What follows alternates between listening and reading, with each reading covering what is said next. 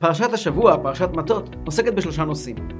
בהתחלה היא מדברת על נדרים, אחר כך היא מדברת על מלחמת מדיין, ובסוף על בני גד ובני ראובן והרצון שלהם לחלק, לקבל חלק בארץ. מה מסתתר מאחורי זה?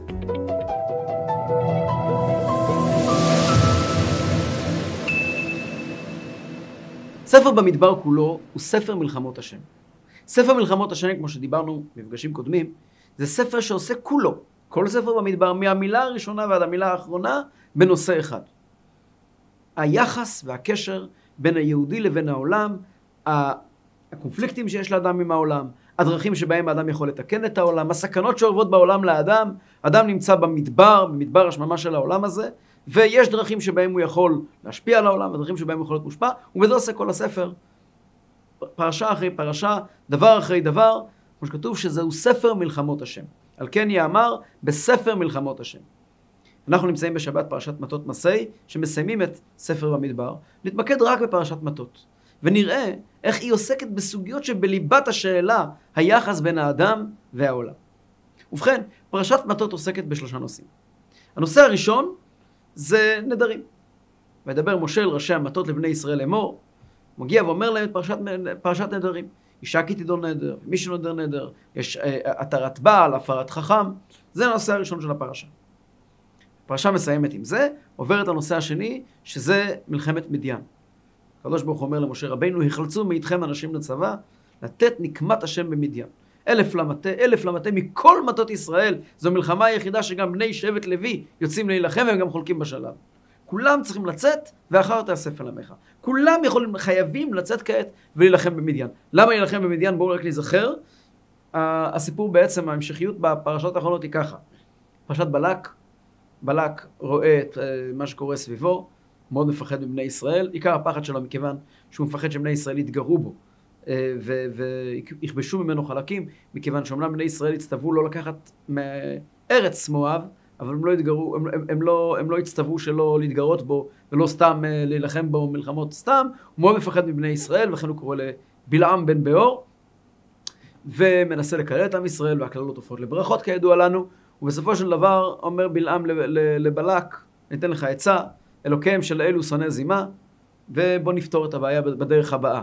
מה הדרך הבאה? אומר לו, נחטיא את אה, בני ישראל, בני ישראל הרי יושבים בשיטים, השיטים זה זה השטח שנמצא בעמק הירדן, בקעת הירדן המזרחית, מעבר לירדים, אנחנו מגיעים מכיוון uh, כביש מספר 1 של היום, מגיעים מכיוון, מכיוון ירושלים, מכיוון uh, uh, ורד יריחו, כל היישובים האלה, יורדים לכיוון ים המלח, אפשר לראות מולנו את עמק הירדן, שמהצד השני של העמק, שם זה השיטים. שיטים זה שטח גדול מאוד, מאוד מאוד מאוד חם, כן, זה עמק הירדן, מאוד חם, ומאוד מאוד רווי במים, אדמה רוויה במים, כגן השם בכארץ מצרים, מאז ומקדם, מקום מאוד מאוד רווי, זה הרי השטח של uh, כל התמרים הגדולים של יריחו מהצד האחד, ובצד השני זה ערבות מואב, ששם בני ישראל נמצאים, משיתים. המקום הזה הוא מקום, uh, כך כתוב בחז"ל, שהוא מקום שיש בו יצר הרע יותר מאשר במקום אחר, וזה ממש ליד ערי מואב.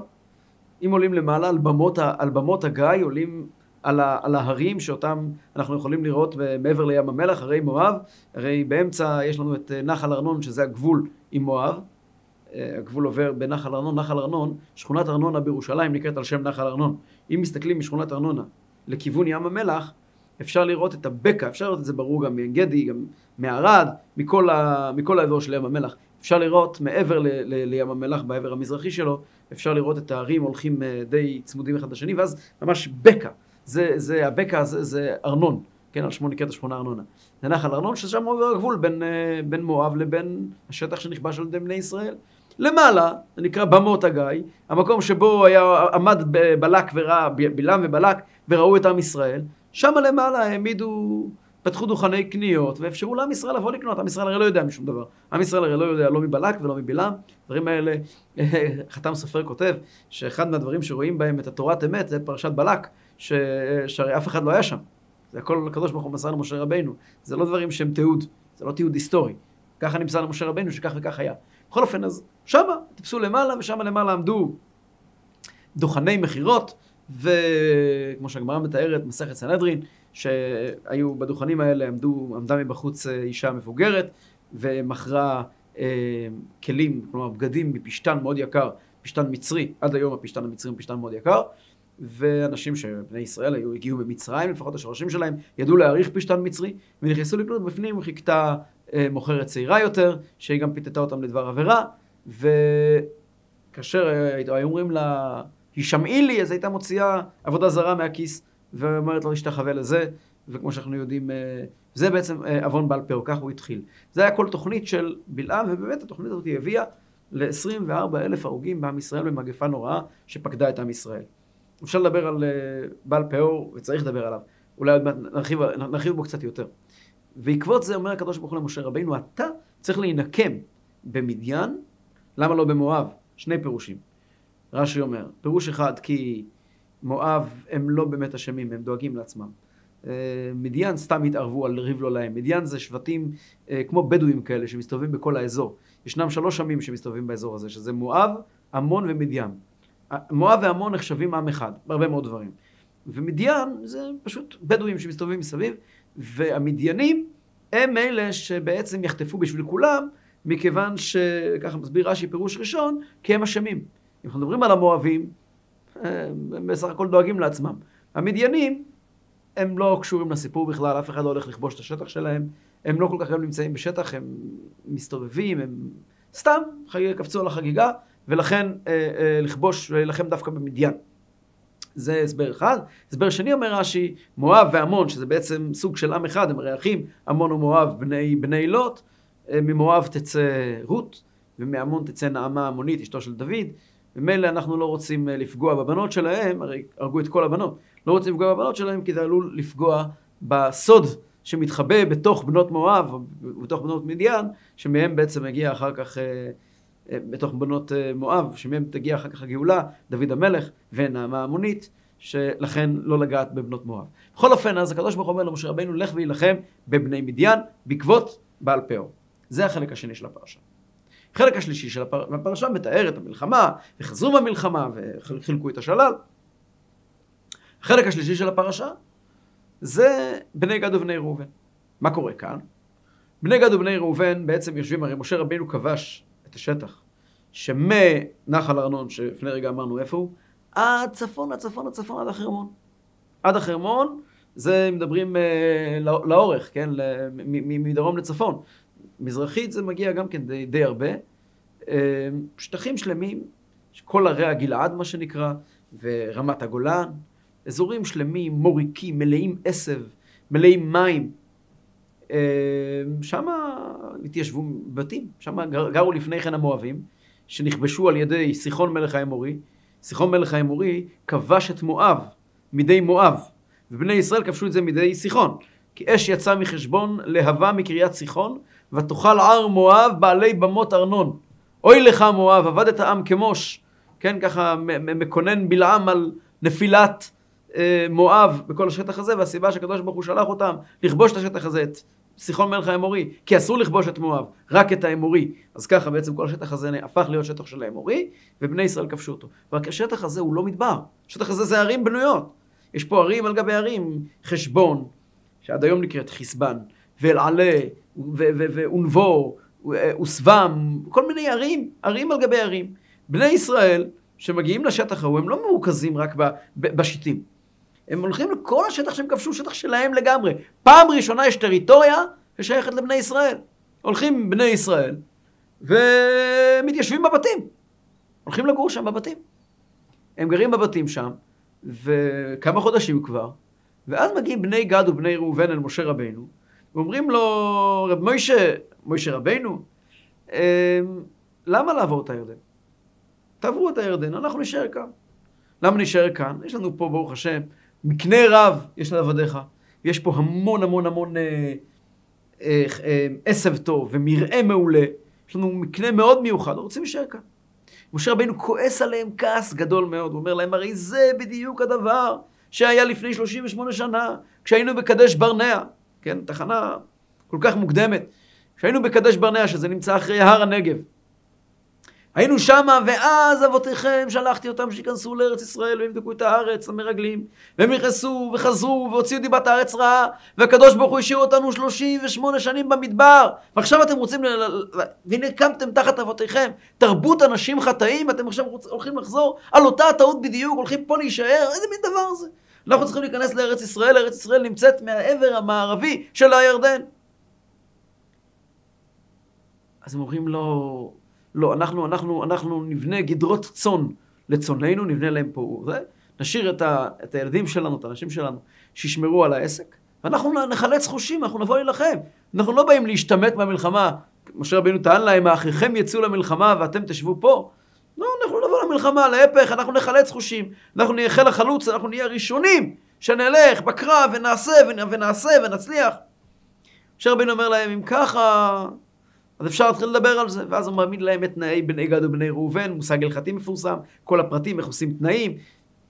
אם, אם תעברו, אתם מקבלים, אם לא תעברו, אתם לא מקבלים, ואם תעברו, כן, הוא חוזר על התנאי כמה פעמים, ומעמיד את יהושע אחראי על זה, ואת uh, פנחס אחראי על זה, שכולם יראו, וכל הדברים אה, אה, מוסכמים, וככה מסתיימת הפרשה. זאת פרשת מטות. האם יש קשר בשלושת הנושאים האלה בין הנדרים בין אה, כיבוש מדיין ובין בני גד ובני, ובני ראובן. אז כיוון שלמדנו שספר במדבר כולו הוא ספר מלחמות השם, ספר שעוסק כולו ביחס בין האדם ובין העולם, הפרשה שלנו היא מופת של הנושא הזה של היחס בין האדם ובין העולם, וזה מערכה בשלושה שלבים. פרשת מטות היא כוללת בתוכה סוגיה שלמה, אמיתית, עם התחלה, אמצע וסוף, עם שלושה, עם שלושה שלבים, שאחד משלים את השני בסוגיה הגדולה הכללית של ספר במדבר, יחס האדם והעולם. ונתחיל. כל סוגיית הנדרים היא למעשה סוגיה מאוד מורכבת. הרמב"ם דן בזה בהרחבה גדולה. בכל אה, אה, מסכת, כל הלכה, בהלכות, בספר שלו, ספר הפלאה, שעוסק כולו בנדרים, אז יש אה, בנדרים, בנדבות, בכל מיני, כל, כל התחום הזה של הדברים שאדם אה, מכיל עליהם קדושה במאמר פיו, שבועות, נדרים, אז כל הלכה, כל סוגיה, שבועות, נדרים, אה, כל מה שיש שם, כל אחד מהם הוא מסיים בהלכה שעוסקת בדילמה הזאת, בקושי שיש לנו עם נזירות, שיש לנו עם הנושאים האלה. מה הקושי? מצד אחד, הנזיר או הנודר לוקח על עצמו דבר שהוא לא צריך. לא כתוב בשום מקום שאסור לשתות יין, אסור להיטמע למת. זה שנזיר לקח את זה על עצמו, זה עניין פרטי שלו. למה לקחת את זה על עצמך? דייך מה שאסרה עליך תורה. התורה אסרה עליהם. מספיק דברים, ותיקח על עצמך מה שהתורה אסרה עליך, למה אתה צריך ללכת ולהתפשט למקומות חדשים? למה לאסור? יותר מזה, הקדוש ברוך הוא ברא את העולם עבורך. הקדוש ברוך הוא ברא את כל כתוב בירושלמי, שעתיד אדם ליתן את הדין על מה שראה בעולם הזה ולא נהנה ממנו. הקדוש ברוך הוא ברא בעולם דברים ו- ו- וכל מיני עניינים, שכל המטרה שלהם היא לאפשר לנו לעבוד את השם בצורה נכונה. אז אם אני מסתכל על העולם, ואני אומר, לא מתאים לי, חלק מסוים בעולם הוא מיותר מבחינתי. אני, אני רוצה לדור נדר שאני לא אהיה לקשר איתו. אני נודר נדר שאני לא, לא אוכל בשר ולא אשתה יין, כמו כל סוגי נדרים שמופיעים בחז"ל בלי סוף, מסכת נדרים, ומסכת שבועות. באיזשהו מקום אנחנו מגיעים אל האדם בטענה, מה, למה? למה אתה מכניס את עצמך למקומות כאלה? א', יותר טוב משלא תדור משתדור ולא תשלם. אתה נכנס לכל מיני בעיות של... וכי תחדל לנדור לא יהיה בך חטא, כמו שכתוב. מה אתה מכניס את עצמך לסכנות? אבל מעבר לזה, מעבר לזה שאתה מכניס את עצמך למין החלטות חדשות ו... וסכנות חדשות, למה? למה אתה מונע מעצמך את העולם שהקדוש ברוך הוא ברא בשבילך? האם זו דרך ליהודי לדור ו... ולהתנתק מהעולם? אנחנו יודעים שאישה לפחות, שנקראת נדרנית, זה, זה נקרא מומין, נקרא מום, בהלכה. אם יודעים שאישה מסוימת יש בה היא נודרת הרבה נדרים, הבעלה יכול לטעון, זה מום שלא הכרתי. זה עכשיו מום. מום על פי הלכה. הנדרים הם מום. מה, מה, מה אתה נודר נדרים? מה... תחיה כמו בן אדם. אדם, יהודי עובד השם, הוא לא, הוא לא, הוא לא כומר. אנחנו, אצלנו ביהדות לא משבחים אנשים פרושים מן העולם הזה. להיות פרוש מן העולם הזה זה לא, זה לא מעלה, מצד אחד. מצד שני, התורה מגיעה ואומרת, יש כזו דרך. יש כזה מסלול חשוב של נדרים, ונדרים סייג לפרישות, ויש איזושהי דרך שהופכת אותך להיות אדם יותר מרומם. יש דבר כזה. יש דבר כזה שבן אדם מחליט ליהנות פחות מן העולם הזה. אנחנו יודעים שרבי יהודה הנשיא, קודם שנפטר מן העולם, הרים את עשרת אצבעותיו כלפי מעלה ואמר שהוא נשבע שהוא לא נהנה מהעולם הזה כאצבע קטנה. אז יש פה גם ערך של לא ליהנות. מצד אחד יש ערך של להיות מעורב. ולהיות חלק מהעולם, והקדוש ברוך הוא נתן לך את זה, ויש לזה מטרה. וכל מה שברא הקדוש ברוך הוא בעולמו לא ברא דבר אחד לבטלה, וכל מה שברא הקדוש ברוך הוא בעולמו לא ברא אלא לכבודו. ואדם חייב לומר, כמו שאומרת הגמרא במסכת, במסכת קידושין, בשבילי נברא העולם. במסכת סנהדרין, בשבילי נברא העולם. במסכת קידושין אומרת הגמרא, ברוך שברא כל אלה לשמשני. כל העולם נברא כדי לצוות לזה, כמו שכתוב בחז"ל. העולם כולו בא לעזור לי, לא להפריע לי. זה צד אחד. מצד שני אבל, אנחנו רואים שהתורה כן מדברת על נדרים, וכן מאפשרת כזה דבר, כי יש בזה איזשהו תוכן. איך שני הערכים האלה חיים בכפיפה אחת. אז ההסבר הפשוט הוא כזה, הוא, הוא, ההסבר הוא מהחיים. בואו ניקח למשל את הטכנולוגיה. למשל, אינטרנט. למה הקדוש ברוך הוא ברא את האינטרנט? את האינטרנט ברא הקדוש ברוך הוא, לא אף אחד אחר. הקדוש ברוך הוא ברא את האינטרנט, הקדוש ברוך הוא ברא את הכוח האדיר הזה של חיבור בין כל קצות העולם. למה הקדוש ברוך הוא ברא את האינטרנט? זו שאלה מגוחכת. בואו נסתכל מה האינטרנט עושה. הרי ההתקדמות של העולם מבחינה רפואית, מבחינה מדעית, מבחינה חברתית, מבח... מכל בחינה שהיא, הרי לאין ארוך. אם אנחנו קוראים שמות המשיח, יהיה לכל יהודי משרתים ומשרתי משרתים, ועמדו זרים וראו צונך, היום רואים את זה מול העיניים. האינטרנט עושה בשבילך את כל העבודה. אפילו לחפש מקור תוך שנייה, אתה טק טק טק, אין שום בעיה, הכל נהיה במהירות על. אז האינטרנט הוא ברכה אדירה שהקדוש ברוך הוא נתן לנו. יוטיוב, אז אתם עכשיו כעת רואים אותי ביוטיוב כנראה. יוטיוב, זו מתנה אדירה שהקדוש ברוך הוא נתן לנו. מצד אחד. מצד שני, כעוצם הכוח הקדוש שנמצא בתוך האינטרנט, באותן עוצמות יש באינטרנט את כל הסכנות של העולם. וראש לכל הסכנות שבעולם, סכנת בזבוז זמן, שסכנה נוראה ואיומה. אין משאב יותר יקר מאשר הזמן שלנו, והבזבוז זמן. שלא לדבר על איסורי תורה שיש באינטרנט. ו, ולא צריכים להרחיב, אצל חסידים לא מרחיבים בדברים שכל אחד מבין על מה מדברים. ומילא פה מגיע העניין של נדרים. הנדרים מגיעים ואומרים לבן אדם, תקשיב, זה לא אסור, יש דברים שאסורים. יש דברים באינטרנט שהם אסורים לגמרי, ברור. אינטרנט בלי חסימה של uh, גוף מקצועי שיודע לחסום uh, דברים אסורים, אז זה, זה, זה כמו להחזיק בבית uh, אוכל, אה, בשר לא, לא מוכשר. תגיד, זה בשר כשר, זה בשר של פרה, פרה כשרה לפי למיטב ידיעתי, כן, אבל צריכים למלוח, וצריכים לשחוט, וצריכים, יש דרכים איך אפשר לאכול בשר. ברור שאינטרנט פרוץ, אינטרנט ללא הגנה, זה, זה, השם ישמור. זה בכלל לא, זה בכלל לא נושא. זה בכלל, זה בכלל לא נושא. זה לא דבר שבכלל צריכים להעלות אותו לשולחן. זה דבר אסור לגמרי, גם על פי תורה הוא אסור לגמרי. דבר שהוא מסוכן מאוד, זה לא הנושא. מדברים על אינטרנט מוגן. אינטרנט מוגן, אין סכנות. אינטרנט מוגן לא יכול לסחוב את האדם ולדרדר אותו ללשון הרע ולדברים בטלים ולבזבוז זמן ול... ול... בלי סוף דברים. יבוא אדם ויאמר, אני רוצה להשתמש רק בטלפון פשוט. טלפון חכם, אני לא רוצה להשתמש בו. נשאל אותו, למה? הוא יגיד, זה לוקח לי זמן, זה מבזבז לי את הזמן. או, הסיבה שאתה לא רוצה להשתמש בזה, כי אתה אומר שבמקום שאתה תיקח את האינטרנט ותשתמש בו שיסייע לך, אתה מרגיש, ובצדק, שאינטרנט לוקח אותך ומשתמש בך. במקום שאתה תרומם ותקדש את העולם, העולם סוחב אותך איתו בכוחות עצומים. כל הכבוד לך שאתה כל כך מודע לעצמך. מעולה.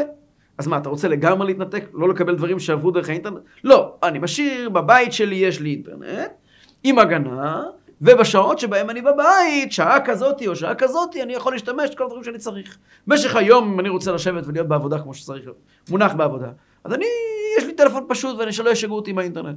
אדם אחר יגיד, הפוך, אני בעבודה אני צריך את זה, אז שלוש שעות ארבע שעות שבעבודה אני צריך את זה, אחר כך אני לא צריך את זה. אדם שלישי יגיד, אני יכול להסתדר בלי זה בכלל. כל מה שקשור לסידורים אני יכול בקלות לארגן את זה בדרכים אחרות, יש מספיק שיש אינטרנט לאחרים, אני כבר לא צריך את זה. מעולה.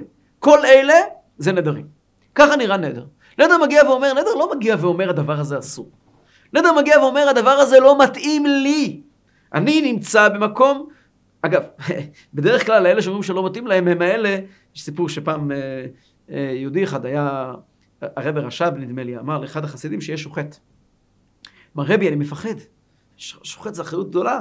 מי ששוחט בהמה, אז בעצם הוא לוקח על עצמו אחריות של הכשרות שלה, של יהודים שיאכלו את זה, זה, זה לא פשוט. אומר לו הרב רש"ב, למי אני אתן לשחוט? למי שלא מפחד. רק מי שמפחד יכול לשחוט. האמת היא שאלה שמפחדים ומחזיקים טלפונים פשוטים, הם האנשים שאני הייתי סומך עליהם בכל דבר, כן?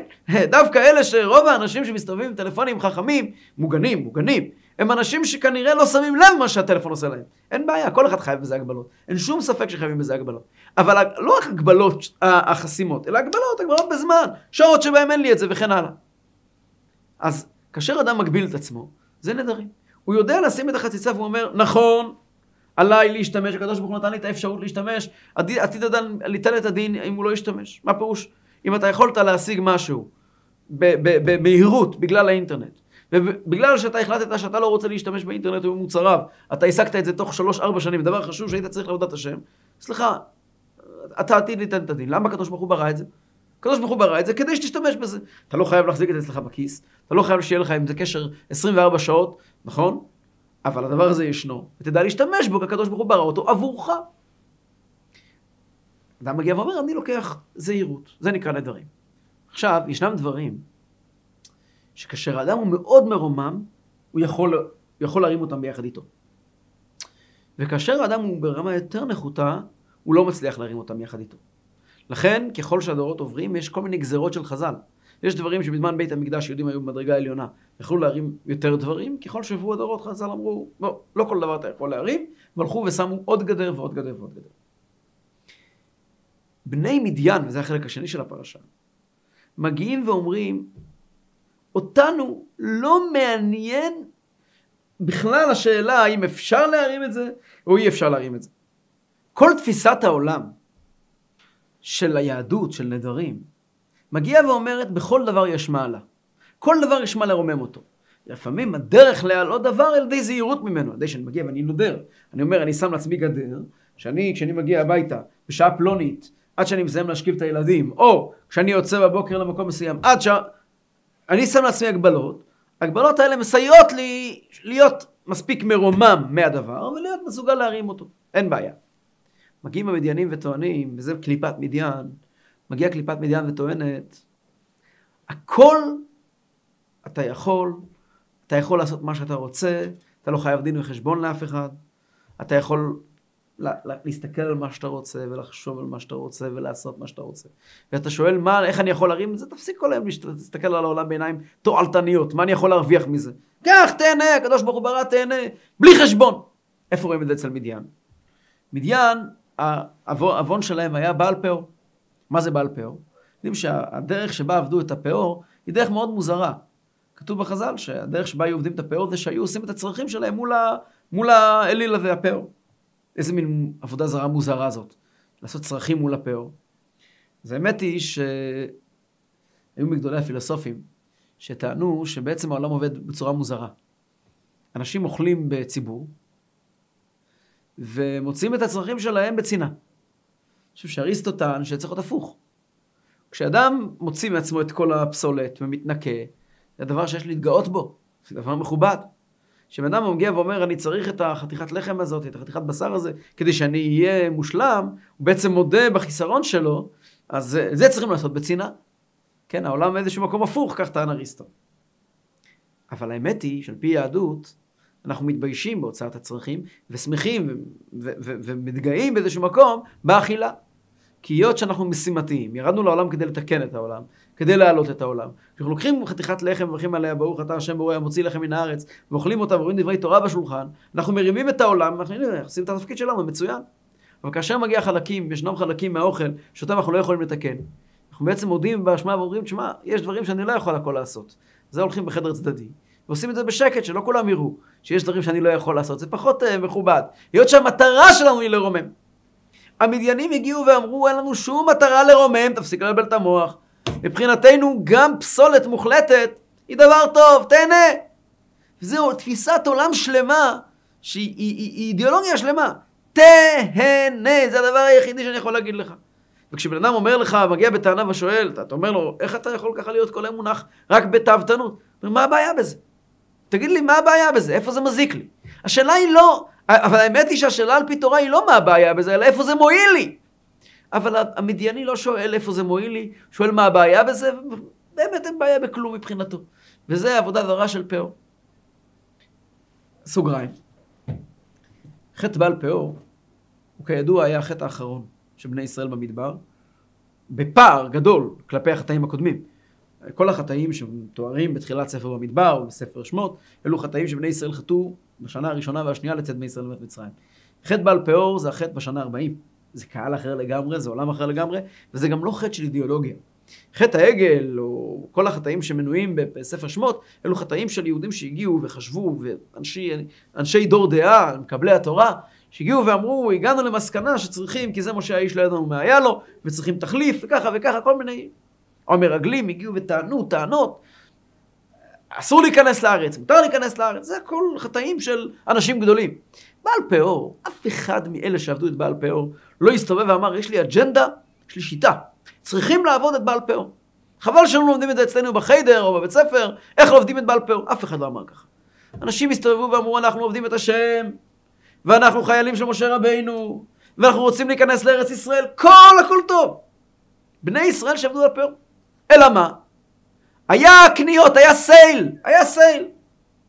היה sale, הלכתי ל sale, ב sale היה כל מיני דברים שאני לא... ש, שפיתו אותי. פיתו אותי, אז גם הגעתי לעבודה זרה, אבל אני מצידי לא רוצה את כל הסיפור הזה. יש בכמה מקומות בשיחות של הרבי, הרבי מדבר שה... שה-40 שנה במדבר הם פרומו של כל ההיסטוריה כולה. והשנה, השנה, השנה 40, כלומר פרשת מטות מסעי, זה כנגד הדור שלנו, שלפני משיח. גם היום, במידה רבה מאוד, כאשר אנשים נופלים, אה, אנשים נופלים ברשת, זה לא הפירוש שיש להם אג'נדה שצריכים ליפול. כשאדם, בן אדם מוצא את עצמו מבזבז זמן ארבע שעות על פייסבוק או על יוטיוב, זה לא הפירוש שיש לו אג'נדה, צריכים לקום בבוקר, למה אתה קם בבוקר? לבזבז זמן. בני נוער, אני קצת יודע אצלנו בשכונה, יושבים, מישהו אמר לי, בני נוער אמרו לי שהם יושבים 14 שעות על פלייסטיישן. 14 שעות על פלייסטיישן. זה לא יאומן. באופן הכי מסודר, קמים בשעה שלוש בצהריים כל יום. זה פשוט לא יאומן מה שקורה. עכשיו, האם מישהו מהם יש לו אג'נדה? האם מישהו מהם טוען, תשמע, הסדר של החיים הנכון, הבריא, איך אדם בריא חי? אדם בריא יושב 14 שעות על הפלייסטיישן, והוא יושן אחר כך לא יודע כמה שעות, וקם בשעה שלוש בצהריים. זה הסדר של הבריא. אף אחד לא טוען כזאת טענה. עדיין לא נברא האדם שטוען כזאת טענה.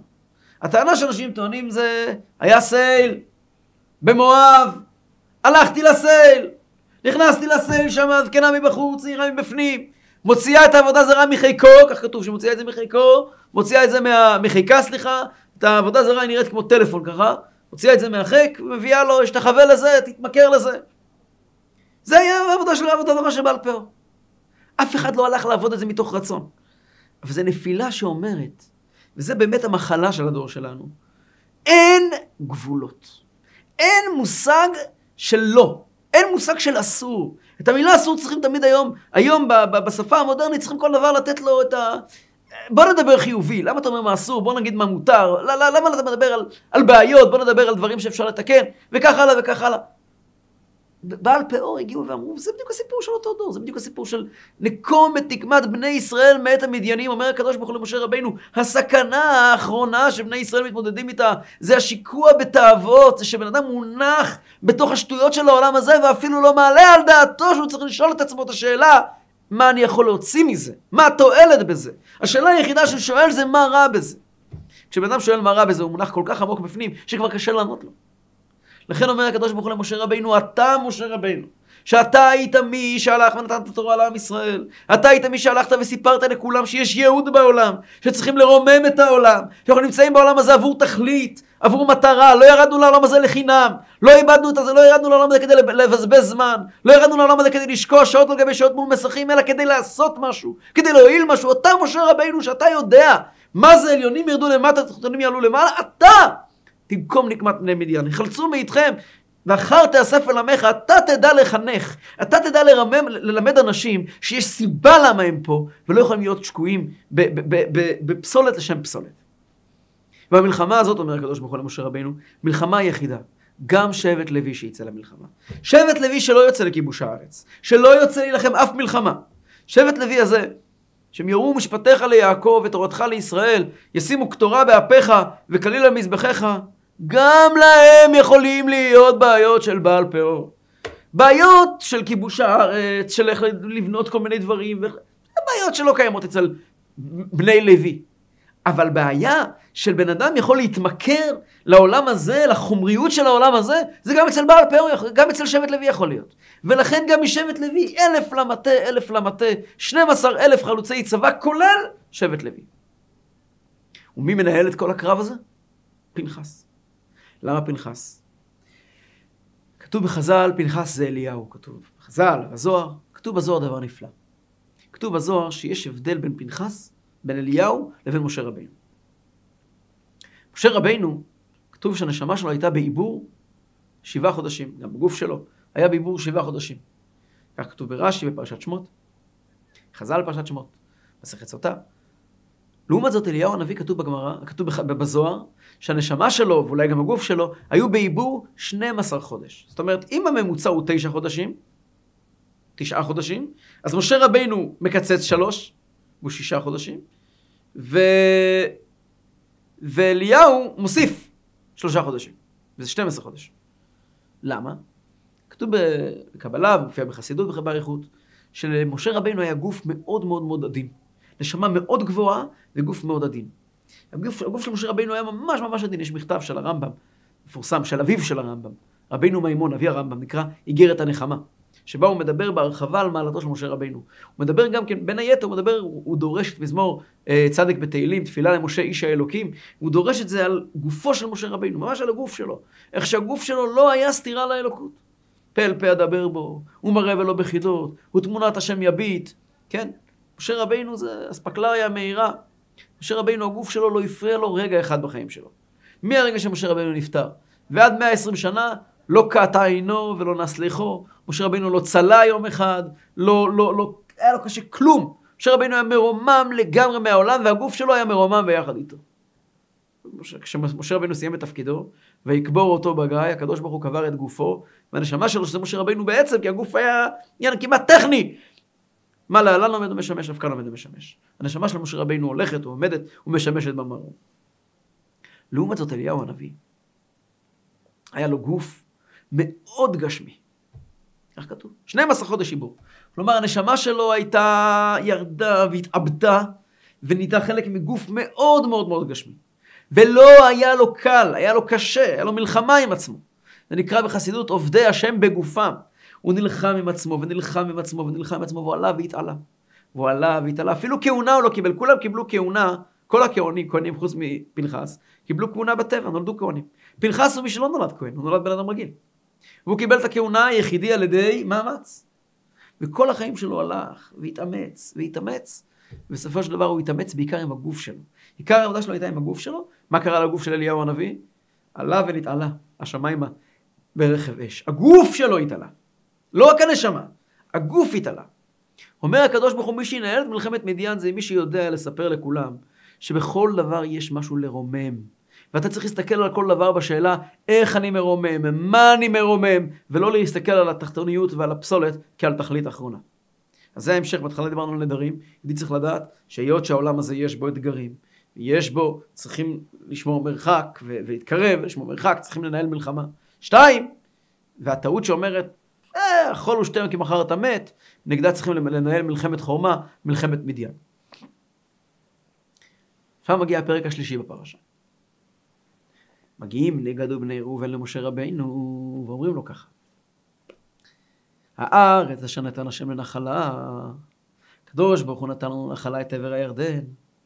אנחנו כעת שמענו מפנחס, בכיבוש הארץ, שמענו מפנחס, שמענו ממך, שצריכים לכבוש את, את, את, את מדיין, לעקר את, את התפיסה, את התודעה, שאי אפשר לרומם את התחתוניות, שצריכים לשקוע בתחתוניות כשלעצמה. אוקיי, אין בעיה. אנחנו נמצאים בשטח שהקדוש ברוך הוא נתן לנו. מי נתן לנו? מי קל עושה מלח... אה, אה, אה, למכה מלכים גדולים? כי לעולם חסדו, לשיחו מלך האמורי, כי לעולם חסדו, ולעוג מלך הבשן, כי לעולם חסדו, ונתן ארצם נחלה, כי לעולם חסדו, נחלה לישראל עבדו, כי לעולם חסדו. הקדוש ברוך הוא היכה את אוג מלך הבשן, היכה את סיחון מלך האמורי, נתן את ארצם לנחלה, נחלה לישראל לעבדו, הנה אנחנו נמצאים כעת בנחלה הזאת. זאת לא ארץ, זה לא ארץ אה, אה, אה, שבעה אומות שמעבר הירדן המזרחי, המערבי. אנחנו נמצאים כאן בנחלה הזו שהקדוש ברוך הוא היכה לפני עבדיך. והנחלה הזאת היא רחבת ידיים, ויש בה את כל מה שאנחנו צריכים. ועתיד אדם ניתן את הדין על מה שראה בעולם הזה ולא נהנה. מגיעים נגד בני ראובן ואומרים, באיזה רשות מותר לנו לעבור את הירדן? כל כך הרבה ניצוצות קדושה, כל כך הרבה אפשרויות טובות יש בתוך העשב הזה, בתוך ארץ עבר הירדן הנפלאה, אז יש לנו פה משימה. אנחנו צריכים פה להיות ולרומם את זה. ואם תשאל מאיפה אנחנו יודעים מה התפקיד שלנו, התשובה היא מאוד פשוטה. ומקנה רב היה לבני גד ובני ראובן. עצום מאוד. יש לנו מקנה. הקדוש ברוך הוא סובב ככה, שיש לנו הרבה צאן והרבה בקר, וכל הצאן והבקר שלנו, הם צריכים את, ה, את הכמות האדירה של העשב שנמצא כאן. אז במילים אחרות הם מגיעים ואומרים, משה רבינו לא מתחשק לנו להישאר בעבר הירדן, אנחנו צריכים להישאר בעבר הירדן. ולהפך, אנחנו נתקן את זה, אנחנו נשתמש בזה לחיובי. עכשיו, פה באמת נמצאת סכנה מאוד מאוד גדולה. חסידים היו אומרים, כשבן אדם אומר, אני רוצה, זה נקרא טמטום הלב. כשבן אדם אומר, אני צריך, זה כבר טמטום המוח. כשבן אדם כבר חולה כל כך, שהוא חושב שהוא צריך ענייני העולם הזה, כשבן אדם אומר לך, תשמע, מתחשק לי רכב טוב כזה מסוג זה וזה. מתחשק לך, זה טבעי. בן אדם, אני צריך רכב כזה וכזה, בוא בוא בוא. אצל חסידים אומרים לו, אתה כנראה קצת רימית את עצמך. כן, אצל חסידים שחיים בתפיסת עולם קצת יותר מרוממת, אז אומרים לו, מה, מה אתה מבלבל את המוח, אתה צריך. תגיד, תגיד ברור, מתחשק לי, אני בהמה, ואני רוצה דברים של בהמות, ואני רוצה דברים של העולם הזה, ולכן אני רוצה את הרכב הטוב הזה. בסדר, בוא, אז אפשר להתחיל לדבר. מה אתה אומר אני צריך? המילים אני צריך הם מילים, שמור אותם בבקשה למה שאתה באמת צריך. פה מגיעים בני גד ובני ראובן ואנחנו צריכים. אומר להם משה רבנו, מאיפה אתם יודעים? מאיזה צד אתם של הסיפור? אולי הדבר הזה עלול לגרור, אתם, לגרור אתכם כלפי מטה. אתם טוענים שאתם יכולים לברר, לתקן. מאיפה אתם יודעים? אולי זה יגרור אתכם כלפי מטה. אולי אתם בסך הכל מתחמקים מהתפקיד האמיתי שלכם. בעצם משה רבנו אומר, הדרך האמיתית לתקן דברים כאלה, וכשבני ישראל נמצאים בדרגה מאוד גבוהה, אז כל הטוב הולך ונשפע אליהם באופן אוטומטי, אבל באמת זה לא היה דרגה שבני ישראל נמצאים בה, משה רבנו רצה להביא בני ישראל, אבל הם לא, הם, לא, הם לא עמדו במקום הזה. אז אומר משה רבנו, תקשיבו, אם אתם באמת חושבים שהתפקיד שלכם הוא לעבור דרך שם, להישאר בעבר הירדן ולתקן את עבר הירדן, אתם מוכרחים להיחלץ חושים. אם הצורך שלכם להשתמש בטלפון אה, הכי מהיר, ועם הרכב הכי טוב, ואם אם, אם הצורך שלכם בגשמיות הוא באמת צורך, כי זה התפקיד שלכם, אני רוצה לראות נאמנות, אני רוצה לראות התמסרות אמיתית מצדכם בענייני קדושה קודם. כלומר, אם אתה מסור ונתון באמת, יש אנשים שאומרים למה אני צריך אה, כל מיני דברים ש, שהעולם מספק, כי אני רוצה להפיץ יהדות, זה הדרך שלי, או כל, כל אחד והתירוצים שלו. אומר שרבנו, מה, יכול להיות שאתה צודק. מאוד יכול להיות שאתה צודק. בוא נראה בבקשה את כמות ההתמסרות שלך, את היכולת שלך לתת מעל ומעבר, באמת בדברים האלה של, של, של, של, אה, של ארץ ישראל, של כיבוש ארץ ישראל, בוא נראה איך הלימוד שלך נראה, איך התפילה שלך נראית, עד כמה אתה לא מוותר לעצמך, כמה אתה מוכן לעשות דברים אמיתיים בשביל המטרה האלוקית של הקדוש ברוך הוא בעולם, לחשוב על מישהו אחר, לדאוג למישהו אחר. אם אתה מוכן להיחלץ חושים ולחשוב על יהודי אחר לפני שאתה חושב על עצמך, אין בעיה, קח את הטלפון הכי חדש, קח עם החסימה, קח את הבית הכי חדש, את הרכב הכי חדש, אבל אל תשכח, וזה תנאי כפול. אם אתה כל הזמן תוכיח לעצמך ולכולם, שאתה, הדבר הראשון שעומד לך מול העיניים, זה איך אני דואג לעם ישראל, איך אני דואג לשליחות שלי, ואני לא טועה בטעות בני מדיין של הנאה לשם הנאה. הנה ראינו איך פרשה שלמה בתורה, פרשת מטות, היא בעצם פרשה שלמה של דיון ביחס בין האדם ובין העולם, כמו כל ספר במדבר.